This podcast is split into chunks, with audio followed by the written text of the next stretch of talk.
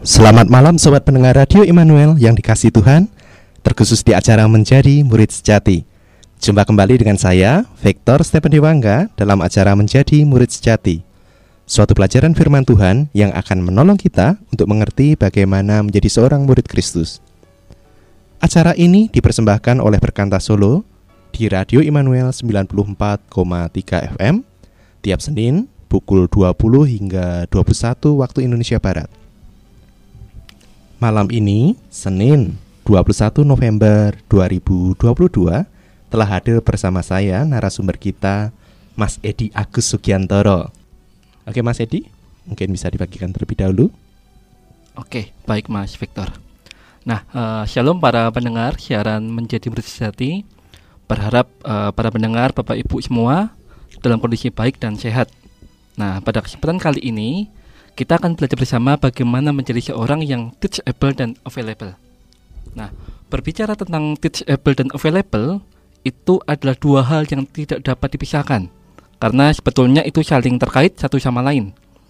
Untuk bisa menjadi seorang yang teachable, maka saya pun harus menjadi seorang yang available. Begitu juga sebaliknya. Oleh karena itu, teachable and available itu sebuah kesatuan yang harus berjalan bersama di mana saya menjadi pribadi yang mudah diajar, mau belajar dari orang lain, tetapi juga untuk bisa saya belajar, saya juga mau menyediakan diri. Nah, kita akan membuka bersama di dalam Lukas pasal 11 ayat yang pertama. Meminta Mas Victor untuk membacakan ayat ini. Saya persilahkan.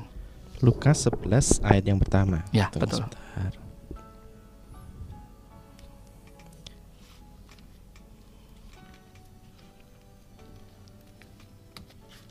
Lukas 11 ayat yang pertama. Demikian firman Tuhan.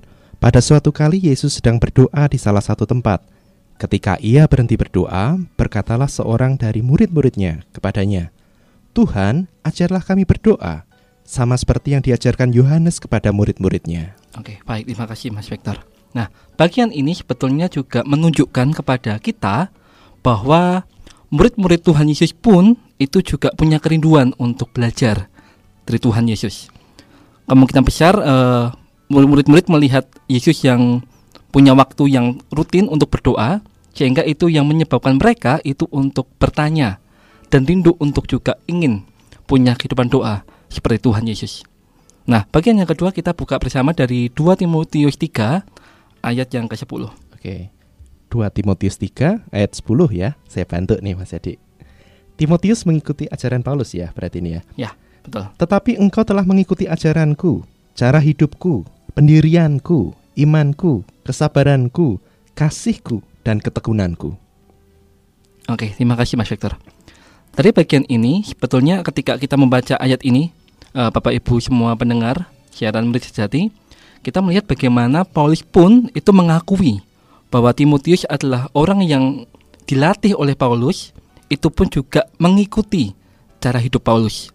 Timotius belajar bagaimana Paulus uh, berkaitan dengan hidupnya seperti apa, pendiriannya seperti apa, imannya seperti apa, kesabarannya seperti apa dan kasih dan ketekunannya pun seperti apa.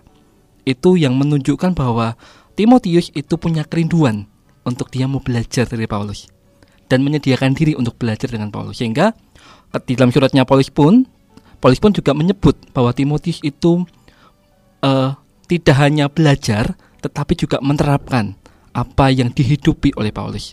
Sehingga Timotius pun bisa mengikutinya dan Paulus melihat bagaimana Timotius juga berjuang menghidupi bagian itu. Nah, kita akan belajar bersama uh, Bapak Ibu semua pendengar, mengapa ya kok saya atau kita itu harus menjadi seorang yang teachable dan available. Yang pertama karena sebetulnya kenapa saya harus menjadi seorang yang available dan teachable? Karena saya sadar bahwa saya seorang murid Kristus. Nah, siapa sih seorang murid Kristus itu? Kita buka bersama di dalam Yohanes pasal 8 ayat yang ke-31. Yohanes 8 ayat 31.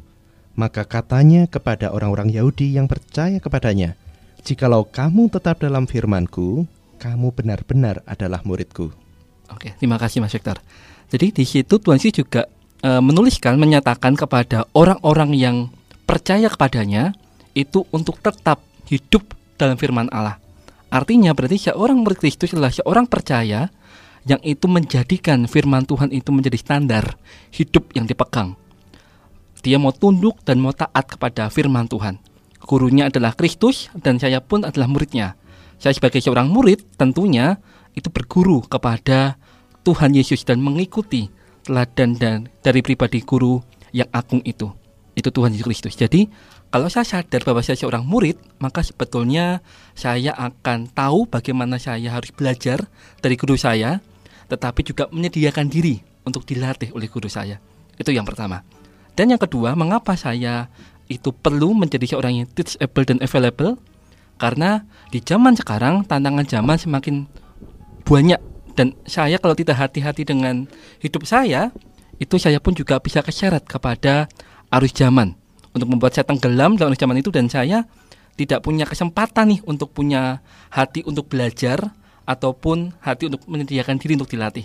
Karena saya merasa saya sangat sibuk, waktu saya habis dan akhirnya nanti saya menyesal untuk tidak karena saya nggak melakukan apa pun sehingga akhirnya pun saya menyesal gitu. Bahkan kalau kita membaca Roma 22 dikatakan bahwa tentunya hidup kita itu tidak mengikuti terapi ke dunia ini. Karena apa yang diajarkan dunia ini itu berbeda dengan apa yang Tuhan Yesus ajarkan. Bukankah sebagai seorang murid Kristus, saya tentunya itu tidak mengikuti tata nilai dunia ini. Kalau tidak hati-hati maka sewaktu-waktu bahkan dalam waktu yang dekat saya akan bisa keseret di atas zaman yang semakin menggerus diri saya. Sehingga saya disibukkan oleh banyak hal dan waktu saya habis hanya untuk mengejar apa yang saya gapai, yang saya sukai.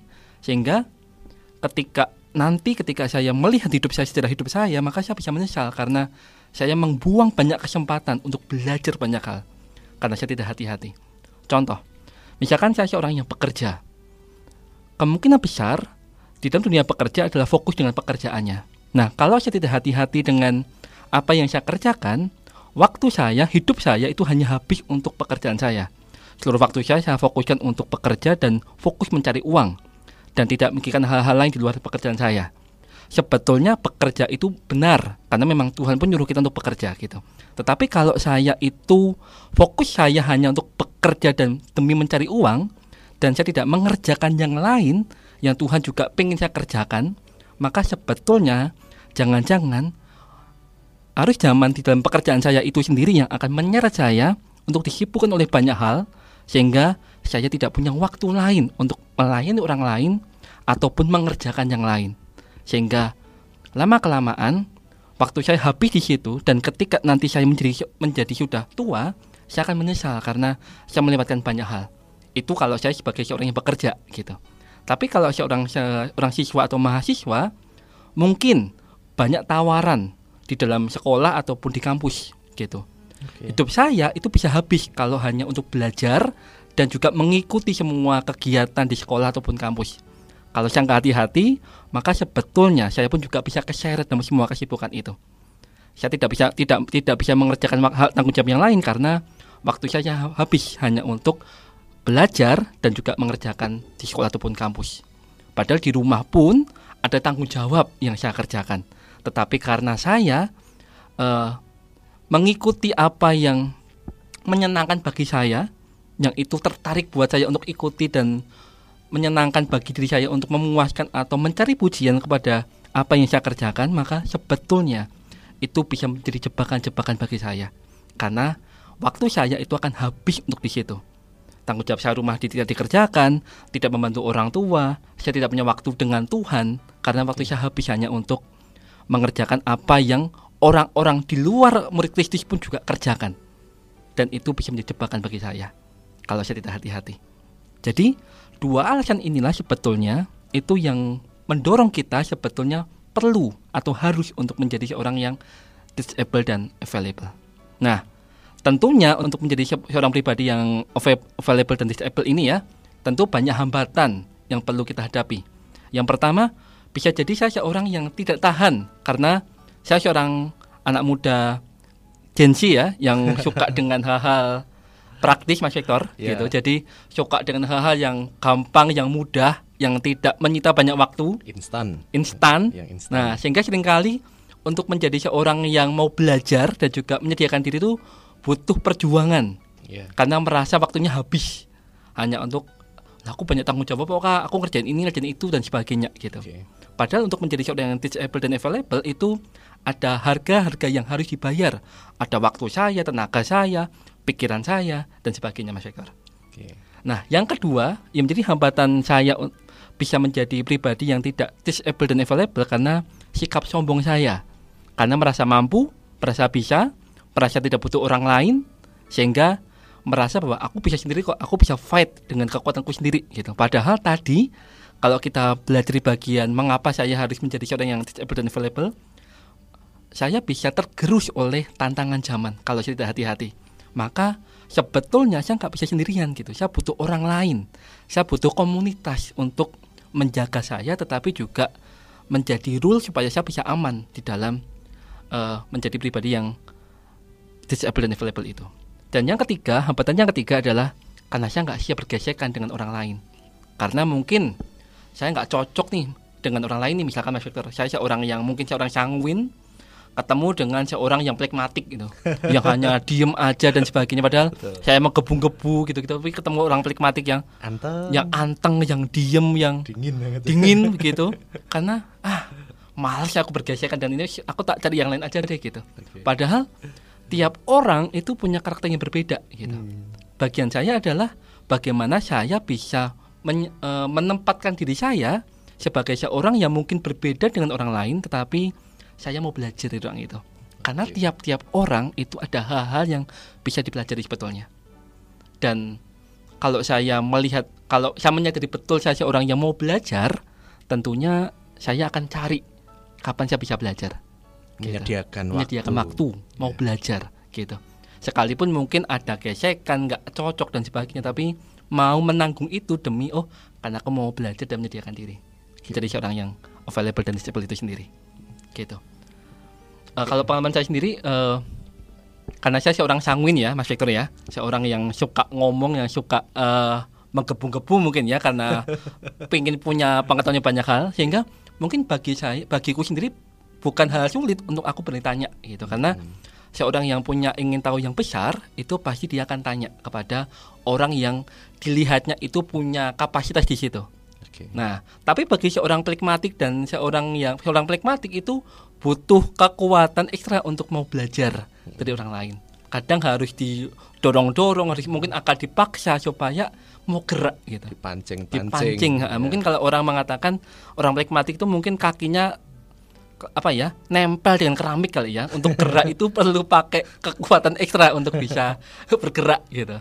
Oke. Mm, Itu juga dengan orang kolerik yang mungkin merasa apa ya punya kemampuan Lead sehingga ketika ya. ada tantangan apa pun ya begini ah nggak perlu nggak perlu nggak perlu gitu Hmm. kadang merasa sombong gitu seorang kolerik itu sendiri jadi tentunya tiap-tiap orang itu mestinya belajar Ya. bukankah hidup di dunia ini itu kita belajar sih seumur hidup gitu.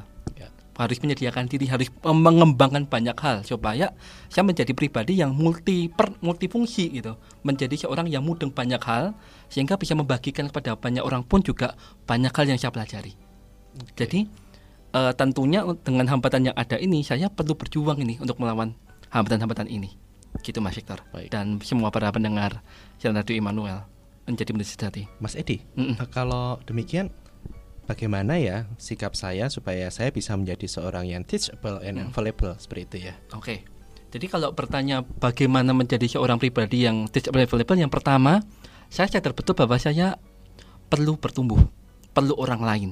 Oke. Saya nggak bisa sendiri. Jadi yang saya lakukan pertama adalah saya harus mau bertumbuh. Seumur hidup saya menjadi seorang murid Kristus, mau Hmm, belajar banyak hal. Nah, seorang yang bertumbuh menjadi seorang murid Kristus itu tiga hal yang Allah kehendaki menjadi seorang murid Kristus itu adalah ada tiga Mas Victor. Oke. Yang pertama saya mengenal Allah, kemudian saya mengalami sifat-sifat Allah, tetapi juga mengerjakan apa yang Allah kehendaki. Jadi saya perlu mengenal Allah nih pribadi Allah seperti apa, sifat-sifat Allah seperti apa dan perbuatan Allah seperti apa yang saya kenal. Tapi saya juga punya kerinduan untuk bisa mengalami Allah. Nah kalau saya punya kerinduan ini, maka saya akan mencari tahu nih bagaimana Allah ngomong pada saya dan saya perlu ngerti nih Tuhan ngomong apa ke saya Oke. gitu jadi untuk saya itu bisa mengenal Allah saya butuh firman Tuhan ini karena Allah bicara lewat firman. Mm-mm. Gimana saya bisa ngerti apa yang Allah pengen kalau saya nggak pernah baca firman? Saya nggak pernah belajar dari orang lain, Ya. orang yang lebih tahu tentang firman Tuhan, sedangkan saya mungkin merasa tidak butuh. Hmm. Akan sangat sulit sekali. nggak bisa alone Tidak itu ya bisa, saya butuh Oke. orang lain. Bahkan eh, di gereja pun juga ada para pendeta, atau para pendeta, para hamba Tuhan yang itu mengajarkan firman pada saya, gitu. Mm-mm. Karena secara fakta memang Tuhan menciptakan kita itu sebagai seorang makhluk sosial gitu. Kita butuh orang lain gitu. Tetapi juga bertumbuh untuk saya semakin serupa dengan Tuhan Yesus ya secara watak. Iya. Seorang yang mungkin tadi kaku, yang mungkin sangat anteng, tidak butuh orang lain karena saya tahu eh, Allah menurut saya untuk menjadi seorang murid maka saya akan mengejar sifat-sifat Allah itu gitu. Mhm. Saya akan mengejar sifat kalami kasih itu, sukacita seperti apa, kelemah lembutan seperti apa sehingga itu tercermin lewat hidup saya gitu. Sehingga orang ketika melihat saya itu melihat Kristus oke gitu. Itu yang pertama. Kemudian juga melakukan apa yang Kristus lakukan. Berarti saya bisa mengasihi orang, saya bisa melayani orang, saya juga bisa membagikan nih Tuhan Yesus yang mati dan bangkit bagi saya kepada orang lain. Sehingga orang-orang yang belum mengenal Allah itu bisa mengenal Allah juga gitu. Jadi perlu pertumbuhan seumur hidup menjadi seorang murid Kristus. Bukan hal yang mudah tentu, tetapi saya perlu berjuang di situ. oke Itu yang pertama Mas Victor. Oh, sorry mas.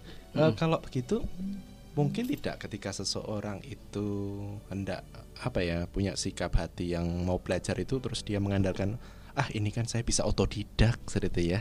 Mm-mm, Saya otodidak. Ini bisa dipelajari sendiri. mm-mm. Saya nggak nggak nggak perlulah apa namanya pakai guru-guru gitu ya. Ini kan bisa saya pelajari sendiri seperti itu. Mm-mm. Perlu ya tetap ada suatu komunitas. Tetap perlu. Tetap Karena perlu ya. eh, ketika saya sendiri belajar sendiri, saya belum tahu apakah itu benar apa enggak. Oke. Karena kan dia apa ketika saya belajar lewat YouTube, lewat bacaan-bacaan di googling kan itu pendapat banyak orang ya. Ya. Saya perlu memilah mana itu yang benar, Mm-mm. mana yang enggak. Mm-mm. Gitu.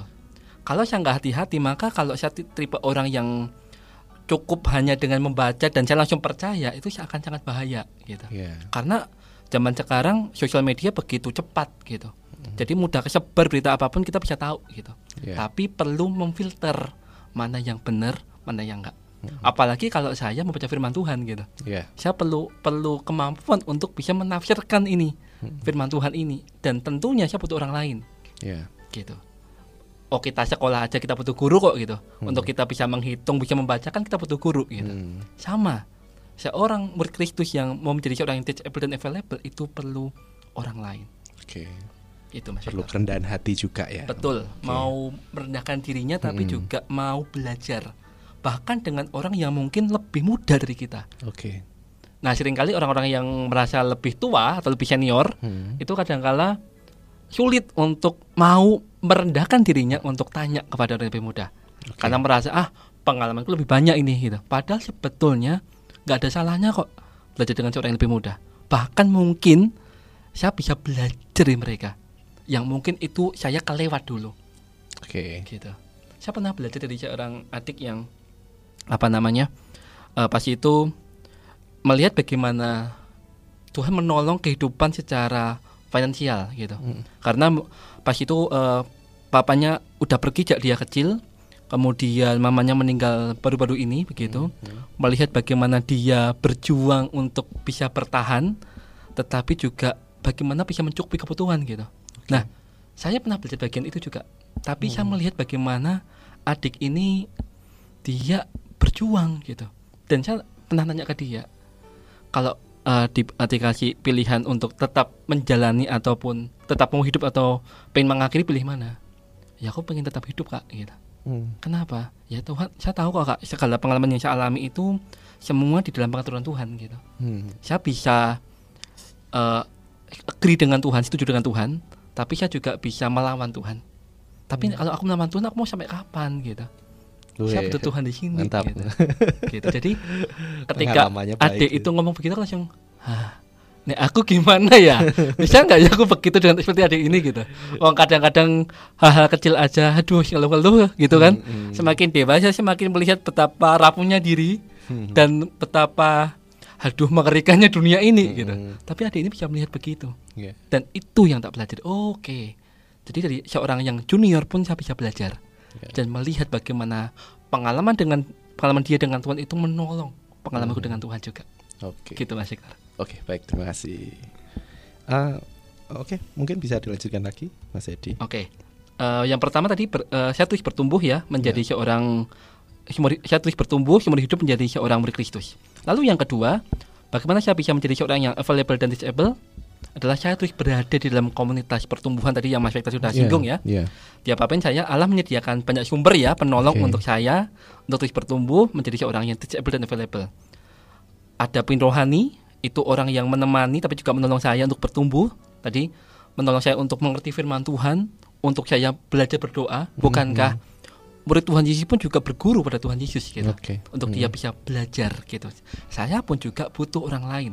Orang yang lebih dewasa rohani untuk menolong saya. Kemudian yang kedua saya butuh komunitas pertumbuhan. Komunitas yang bersama-sama dengan saya itu berjuang dengan saya sehingga saya nggak sendirian nih gitu. Saya nggak alone. Karena kalau saya alone itu banyak sekali gitu.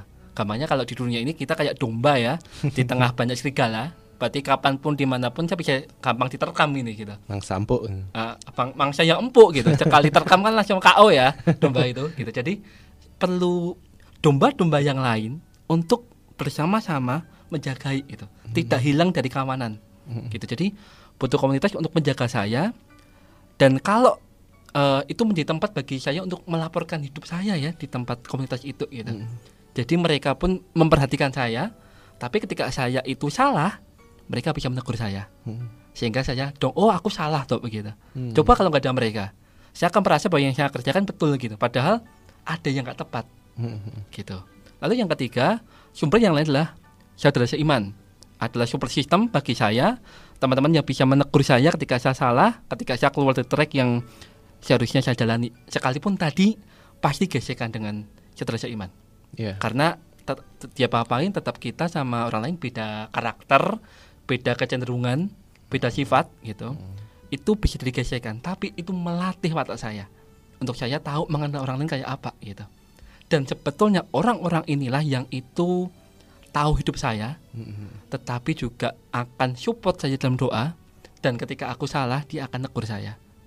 Karena dia teman dekat saya dia tahu hidup saya seperti apa ketika aku salah aku akan ditegur. Dan memang belajar untuk menerima teguran itu yang gak mudah sering kali nek ditegur kan kita langsung Allah kok yang ngono gitu misalkan begitu. Sering mudah sekali keluar begitu tetapi sebetulnya ketika ada teman saya yang dekat itu untuk menegur saya saya jadi mikir oke aku salah ya. Aku minta maaf ya gitu. Dari situ aku belajar berarti yang salah yang salah bagianku apa? Gitu. Apa yang perlu tak perbaiki? Nah dari satu iman yang bertumbuh dengan saya itulah yang akan menjaga saya tetapi juga mendoakan tapi juga menjadi support ketika saya itu butuh bantuan mereka menyediakan diri ketika saya butuh bantuan. Bahkan di dalam waktu-waktu saya terpuruk pun saya bisa berbagi ke mereka karena saya merasa aman gitu. A- aku pernah mengalami satu waktu di mana pas itu sedang sangat-sangat sangat-sangat down. Jadi pas itu mama saya meninggal eh, empat tahun yang empat tahun yang lalu berarti ya? eh lima empat tahun yang lalu. Itu hal yang sangat menghancurkanku karena apa ya orang yang sangat tak sayang begitu sosok Tuhan dekat, panggil ya. gitu yang selama ini merawatku dari kecil menjagaku dari kecil tetapi kok Tuhan ngambil gitu. Itu itu sampai aku mempertanyakan Tuhan itu baik gak sih? gitu. Tahu Tuhan itu baik tetapi ketika mengalami hal yang sangat berat itu jadi mempertanyakan jadi Tuhan mengasihiku nggak sih? gitu. Atau jangan-jangan Tuhan mengasihi dia nggak mengasihiku. Hmm. nyatanya Tuhan panggil mamaku yang tak sayang misalkan begitu. Mm. Nah, ketika di waktu itu mana yang apa yang bisa tak lakukan? Aku lari ke teman-teman dan aku cerita kalau kisahku kayak apa. Apakah aku menangis karena nggak tahan dengan itu? Tetapi mereka mendengarkan dan mereka hanya mengatakan, aku ada kok buatmu. Jadi kapan pun di mana pun Edi butuh bantuan, aku ada dan aku siap mendengarmu dan siap menolongmu. Gitu. Jadi ini teman-teman yang sangat dekat denganku dan aku mm, berani untuk cerita hal-hal yang mungkin agak dalam yang aku nggak cerita ke orang Mhm. tapi aku berani cerita ke mereka Oke. karena aku merasa percaya dengan mereka Mas Ikor gitu. Mhm. jadi akan sangat bagiku akan sangat mudah begitu teman-teman dekatku pun sama denganku ketika dia di dalam situasi yang sulit Iya. dia akan sangat mudah cerita gitu sekalipun mungkin kami tiap hari nggak ketemu atau tiap hari nggak WA-an tetapi itu tidak menentukan relasi dekat kami gitu Hmm. tapi ketika kami ngajak ketemu oh mereka sangat gampang mau diajak gitu ketemu gitu mas. Oke. Oke, itu yang kedua dan yang terakhir untuk bisa menjadi seorang yang available dan disable adalah uh, punya hati yang terus mau belajar dan untuk bisa seperti itu perlu menyediakan diri ya untuk menerima latihan-latihan dalam bentuk tanggung jawab yang dikerjakan sekalipun ada hal-hal yang harus dibayar selama mengerjakan itu tenaga, waktu, pikiran dan mungkin bisa jadi uang Oke. karena harus misalkan kalau kita mau belajar orang lain kita mau ketemu kan butuh bensin ya. Kadang apalagi bensin mahal gitu. Jadi perlu mengeluarkan itu tetapi itu nggak sebanding dengan apa yang kamu dapat nanti. Percayailah bahwa ketika engkau menjadi seorang yang available dan disable itu akan sangat sangat berguna ketika engkau nanti terjun di dunia masyarakat. Oke. kamu akan secara otomatis akan punya hati yang mudah melayani dan orang ketika meminta bantuan padamu dia akan melihat engkau seorang pribadi yang mudah untuk dimintain tolong dan mudah dan tulus ketika melayani orang lain. Orang juga nyaman ya. orang akan nyaman. Dan dia akan tanya kok hidupmu bisa beda dengan orang lain? Dia akan tanya. Gitu mas Victor. Oke. Baik, ini penjelasannya sharingnya wah menyentuh sekali nih speedless saya. Karena beberapa relate ya dengan dengan pengalaman-pengalaman mungkin di pelayanan mungkin dengan rekan-rekan kerja rekan-rekan pelayanan seperti itu. Itu Eh, perguruan ya mas ya? Iya. Jadi sama yang dialami iya, satu padepokan gitu Satu ya. padepokan. ya. Jadi, Oke, ini memang ada teman-teman yang dipakai Tuhan untuk apa ya? Mungkin just apa ya mungkin ya, mendengar pada waktu Ya, itu. Dan betul. butuh telinga yang mendengar tidak perlu apa ya, menasihati macam-macam. Betul Mungkin sekali. Kadang aduh, itu melegakan sekali Betul. ya, seperti itu. ya. Mm-mm. Biasanya kalau kita lagi nangis, dah jangan nangis. Mereka enggak. Mm-mm. Kita didiamkan itu. Mm-mm. Sehingga keluar semua baru udah selesai gitu. udah oke. Cuman itu melegakan sekali. Heeh. Butuhnya didengar. ya, betul. Ya, sekalipun itu pria ya, pria juga sama aja, Ah. nggak cuma ya, nggak cuma wanita. Ya, gitu. betul.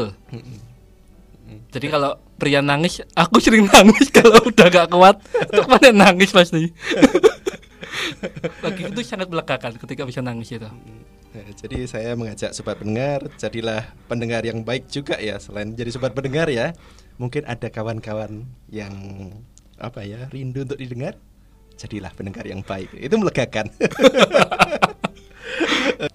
baik Mas Edi, Em, tadi kita sempat berbincang. Oh iya, memang ternyata tidak bisa otodidak ya. Betul. Jadi memang tetap butuh apa ya, butuh rekanan, butuh Mm-mm. orang luar. Ya, Jadi tidak bisa semata oh teachable udahlah aku belajar dari bahan-bahan apa pun seperti itu ya. betul ya. Cukup di rumah duduk diam tenang atau menyaksikan saja Mm-mm. Itu sudah cukup. Tidak bisa begitu ya Mas Edi Nggak ya bisa. tadi ya. Mm-mm. Ke- eh, mungkin ada pertimbangan lain Mas Edi. Tidak bisanya itu kenapa?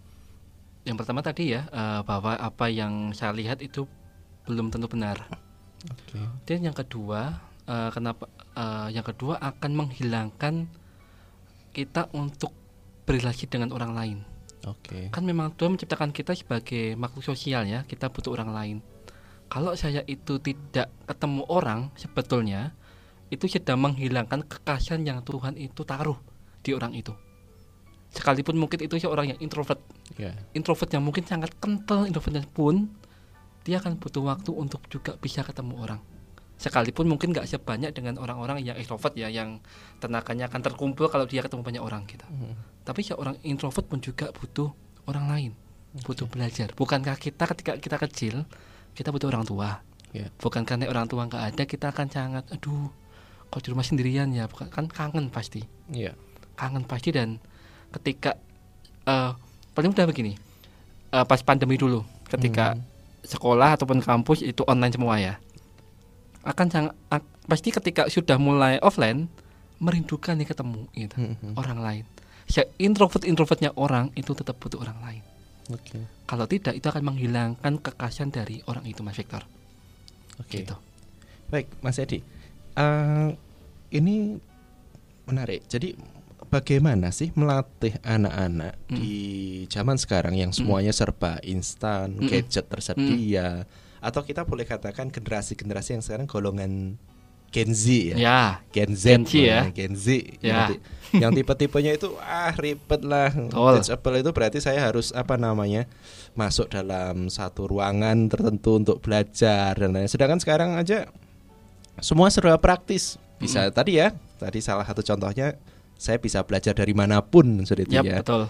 Jadi nggak perlu ketemu orang, jadi bisa belajar secara praktis. Mm. Waktunya juga bisa dia kendalikan sudah itu. Praktis mudah tidak repot Mm-mm. bagaimana cara mengajar generasi yang seperti ini supaya mereka tuh punya apa ya hati yang available and teachable tadi ya. Oke, ya. Eh, tentu itu bukan hal yang mudah untuk dilakukan karena mung- karena memang kondisi zaman sekarang itu beda dengan zaman kita ya Mas Surya yang Hmm. dulu ketika kita diajak ketemu untuk belajar itu kita rindu gitu kita Hmm. pingin gitu karena sekarang pengennya di rumah dengan gadgetnya Iya. dengan laptopnya gitu main game dan sebagainya Hmm. itu yang sering kali sulit untuk mau apa ya mau belajar dari orang lain nah Hmm. apa yang bisa dilakukan eh, bukan berarti gini ketika memang kondisi sulit jadi wes nggak bisa ini nggak pasti bisa gitu cuman butuh kesabaran tapi juga butuh ketekunan untuk melatih Hmm. apa yang bisa dilakukan praktisnya orang tua bisa memberikan tanggung jawab di rumah Hmm. jadi ketika dia mungkin sudah TK Pak SD, ketika mungkin eh, anak ini sedang main, dia diberi, dia diberikan tanggung jawab untuk ketika selesai main, semua mainan itu ditata dengan rapi. Oke. itu Praktis akan ya, itu akan sangat mudah melatih untuk oke, anak itu akan terbiasa. Sekalipun mungkin awal-awal harus pakai debat-debat mungkin ya kan bisa nanti bentar tomah bentar topah gitu. Tapi ketika itu didampingin terus, itu bisa jadi kebiasaan untuk melatih anak itu bertanggung jawab Oke. kalau misalkan di sekolah diberikan tugas kerja kelompok gitu supaya kerja dengan temannya Hmm. sekalipun mungkin tadi gesekan-gesekan nggak apa-apa tapi ketika dia diberikan tanggung jawab untuk mengerjakan tugas dengan kelompoknya maka secara tersirat memang agak memaksa Hmm. tapi itu akan melatih dia untuk mau belajar dengan orang lain Hmm. akan butuh komunitas kerja kelompok namanya kerja kelompok nggak mungkin sendiri Hmm. pasti akan bareng-bareng Ya. maka itu akan melatih untuk dia akan mau ngomong dengan temennya tapi juga dia akan belajar kalau dia nggak paham dia akan nanya eh caranya gimana sih gitu itu akan melatih untuk dia punya hati untuk belajar Hmm. memang dari hal-hal kecil tetapi kalau itu terus dilakukan itu lama kelamaan akan jadi kebiasaan gitu mas Hector Oke. Itu kalau misalnya apa namanya? Kondisi-kondisi apalagi sekarang ya kadang pembelaannya kan wah di luar itu kondisi tidak enak, hujan, banyak penyakit mm-mm, dan lain-lain. betul Iya kan? Jadi wah dengan banyak cerita jadi sehingga ketika mau apa ya? Mau dikumpulkannya juga susah ya sekarang ya. Kadang memang perlu effort lebih juga. Betul. Tetapi ternyata tidak hanya berbicara masalah bertemu PA saja ya. Mm-mm.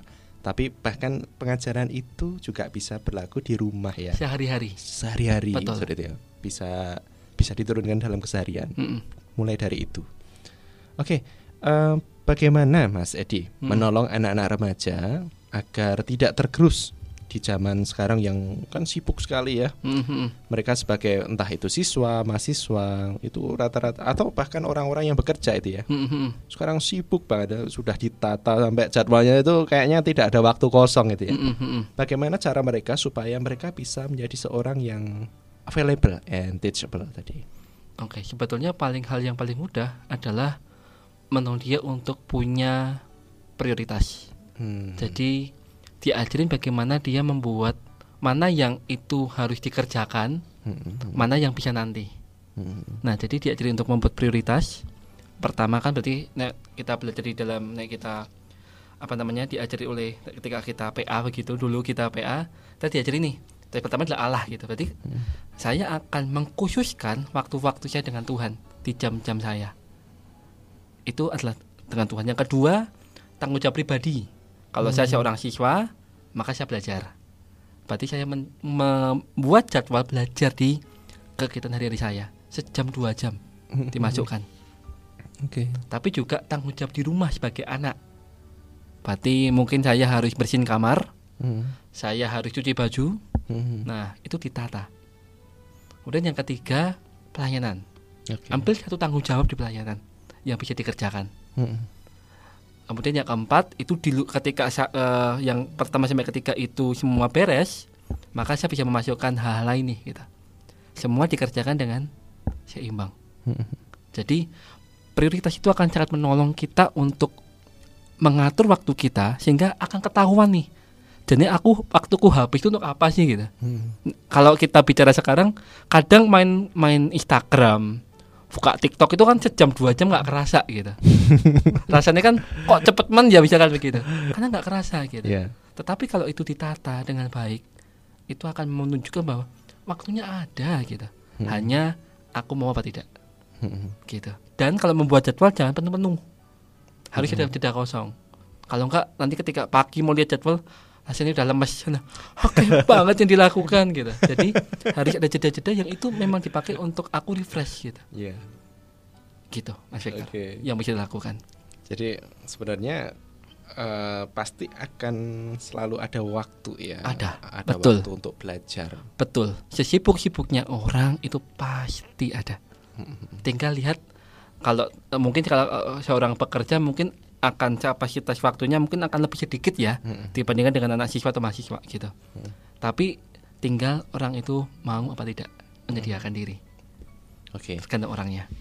Eh, ini juga muncul pertanyaan demikian. Mm-mm. Seberapa signifikan untuk komunitas pertumbuhan itu dapat menjagai dan menolong pertumbuhan rohani remaja Kristen untuk sekarang? Mm-mm. Seberapa signifikan itu?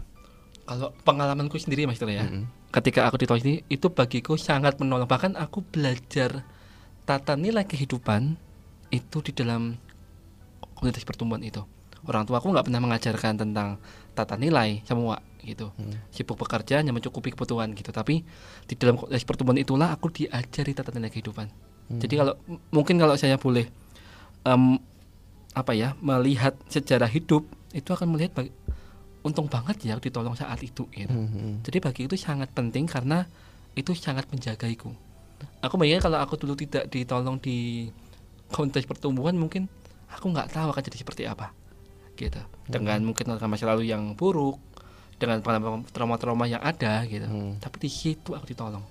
Sehingga akhirnya menjadi orang yang normal gitu. Hmm. Dulu kalau nggak ditolong mungkin aku nggak normal kali ya. Akan karena punya itu kan punya masalah yang buruk, punya luka-luka gitu-gitu. Tapi di situlah aku ditolong, dilayani. Di situ aku ketemu Tuhan Yesus secara pribadi Hmm. dan aku diajari bagaimana aku bisa mengenal Tuhan.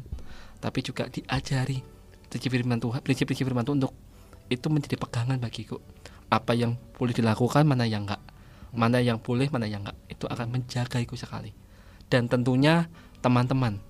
Satu iman tadi yang uh, aku jelaskan tadi bahwa itu bisa menjadi support system bagiku. Ketika aku tidak ada tempat untuk aku bisa berlari dan menangis, ke mereka lah aku melakukan itu.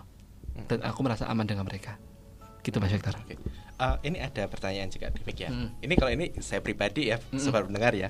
Oke. Kadang-kala eh, orang yang belajar Mm-mm. itu tampaknya juga kita kadang pilih-pilih mau diajar dengan siapa gitu Ya, ya. betul. Kadang-kadang begitu. Mm-mm. Tetapi dalam kemurahan Tuhan juga kita nggak tahu siapa yang didatangkan kepada kita untuk Ya. mengajar, untuk Betul. mengajar kita. Mm-mm. Dan yang gini, kadangkala tadi ya untuk mendengar nasihat, untuk diajari dan lain-lain itu tidak mudah. Tadi Betul. seperti yang tadi dibagikan Mas betul, Edi tadi. Betul. Bagaimana caranya supaya ketika saya diajar oleh orang yang mungkin secara apa ya budaya itu berbeda sekali dengan Mhm. kita itu, Mhm. kita mau tetap menyediakan diri ya Mm. untuk untuk diajar oleh beliau seperti itu Mm. loh. Karena itu tidak mudah ya mematahkan segala pandangan-pandangan dan kadangkala ada ada pikiran yang demikian. Zaman-zaman saya muda, eh sekarang ya masih ya. itu kadang lah itu pemimpin pemimpin rohani begitu kan bukan Tuhan ya, Mm-mm. bukan Tuhan ya. Kok sampai dengan apa namanya? mengatur sampai detail-detail hidup Mm-mm, saya. Dia mm-mm. bukan Tuhan loh Mm-mm, mm-mm. kok bisa sampai begitu Ya. sehingga akhirnya terluka terus malah jadi ya gesekan-gesekan yang Mm-mm. itu membuat dia malah su- sulit untuk bertumbuh terkadang demikian Ya. uh, dari pengalaman Mas Edi bagaimana? Karena saya melihat Mas Edi ini orang yang sangat sangat teachable ya seperti itu ya. Available juga ya. Karena mungkin kultur yang berbeda, terus apa namanya? uh, lingkup-lingkup apa ya? Mungkin budaya ya lebih ke budaya ya, budaya yang berbeda Mm -mm, tetapi mm -mm. mau menyediakan diri untuk diatur, Mm-mm. untuk diajar. Mm-mm. Seperti Tuhan Yesus mengajar murid-muridnya tadi ya. Boleh nggak dibagikan sedikit pengalamannya? Eh, tentu uh, rohani betul ya itu bukan Tuhan. Dia pribadi yang Tuhan kirimkan untuk menemani saya, Mhm. tetapi juga menolong bertumbuh untuk saya semakin melekat dengan Tuhan tentunya. Mhm. gitu. Jadi eh yang menjadi membuat saya itu bisa tunduk pada membuat saya bisa taat itu karena saya tunduk pada Allah gitu. Mhm. Jadi pemimpin itu media yang Tuhan kasihkan pada saya Mhm. untuk itu melatih saya. Gitu. Mhm. Tapi tidak sampai kayak eh itu ya kayak eh, tuan dan hamba mungkin ya sangat diatur begini-begini. Mhm. Enggak. Pemimpin itu tugasnya menemani. Mhm. Tugasnya itu adalah menemani tapi juga mengajarkan prinsip-prinsip. Mhm. ketika eh, ketika biasanya kalau aku cerita itu akan ngasih banyak pertimbangan kalau Edi melakukan ini nanti akan begini Mhm. kalau begini Edi akan begini tetapi yang memutuskan adalah saya Oke. karena saya menjalani hidup gitu pemimpin adalah menemani tidak boleh sampai mengontrol Mhm. sampai mengatur sekali karena itu eh, apa ya itu bisa jadi gini kalau eh, jebakan-jebakan dari seorang pemimpin rohani karena merasa itu kayak oh ini orang yang tak tolong dulu Mhm. orang yang tak tani dulu sehingga kadang ingin mengambil peran Tuhan gitu Mhm. padahal lagi-lagi sa- eh, orang yang saya layani itu miliknya Tuhan gitu Mhm. jadi kalau saya boleh menolong dia itu anugerah Allah dan saya tugas saya adalah membawa dia pada Allah Mhm. menemani dia gitu Mhm. nah tentu dengan pemimpin rohani gesekan itu pasti Oke. Eh, pemimpinku yang dulu itu seorang yang pragmatik kolerik Mhm. berbeda denganku yang eh, sanguin koleris gitu. Mhm. banyak debat iya banyak berantem iya karena nggak cocok dan sebagainya tapi satu hal yang tak belajar lah tanpa kakak ini aku jadi apa dulu sekalipun kakak ini pun juga ada pasti ada salah-salahnya juga pasti Mhm. karena dia bapak manusia biasa manusia berdosa juga kayak Iya. kita kan begitu Betul. gitu tapi dari kakak ini aku belajar tata nilai kehidupan gitu Mhm. diajari betul sekalipun ada gesekan dan sebagainya tapi memang perlu kerendahan hati Mhm.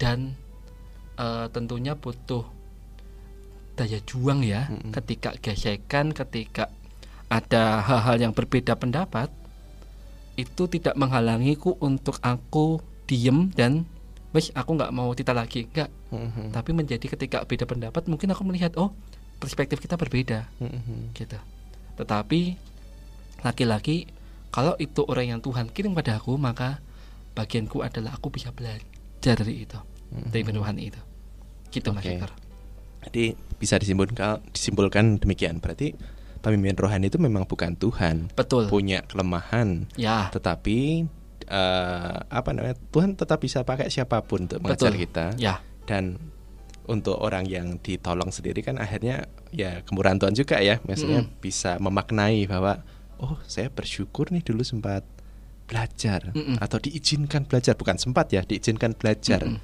dengan orang yang lebih dewasa rohani Betul. ini seperti itu ya dan itu ternyata bermanfaat sekali punya Sangat komunitas betul punya hati yang apa ya punya hati yang mau diajar itu ternyata sampai sekarang juga bermanfaat ya iya sangat bermanfaat ketika apalagi ketika saya sendiri melayani anak-anak siswa begitu Mhm. anak remaja saya mempraktikkan yang dulu diajarkan kakak saya pada saya gitu Mhm. bagaimana menemani mereka, bagaimana punya kesabaran ekstra ke mereka gitu. Kadang-kadang udah janjian, udah datang, tiba-tiba lima menit sebelumnya cancel gitu kan.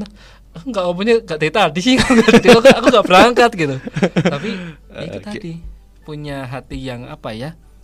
Karena diajari untuk oke aku melayani itu karena anugerah Allah. Mm-mm. Jadi kalau ada orang yang orang yang eh, mau datang pada saya dan mau belajar berarti itu anugerah Allah. Bagianku adalah Mm-mm. menemani dan juga menolong mereka kepada Allah dan membawa mereka untuk sampai kepada jadi mereka di bagian tubuh Kristus yang mana sih bagiannya Hmm. itu yang aku temani menemani Betul. yang menemani Ya. oke baik Eh, satu lagi Mas Mm-mm. Edi Sikap hidup teachable and available tadi bagaimana caranya supaya bisa tertanam ya, Mm-mm. bisa menjadi suatu kebiasaan. Banyak latihan. Banyak latihan. Banyak latihan. Kemudian ketika diberikan tanggung jawab mengerjakan dengan baik.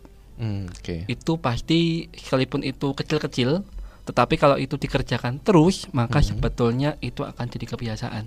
Karena dari hal kecil itulah eh, kalau saya tekun mengerjakannya, maka juga itu akan apa ya? otomatis akan kebawa karena itu sering dilakukan.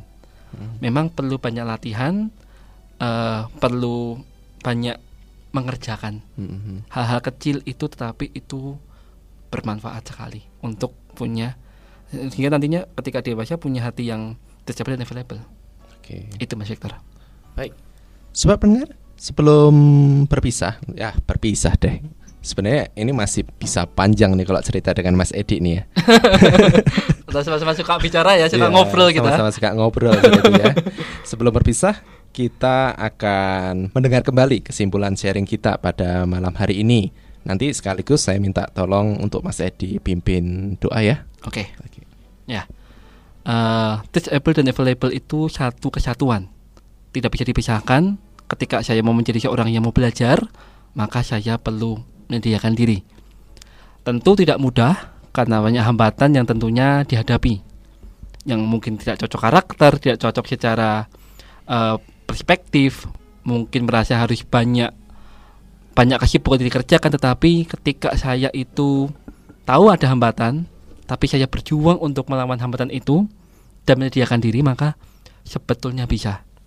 Dan ketika teman-teman semua para pendengar eh, siaran radio menjadi beli sejati maka ketika eh, bapak ibu semua dan teman-teman semua itu punya hati yang and available itu akan sangat-sangat bermanfaat ketika teman-teman nanti terjun di dunia masyarakat.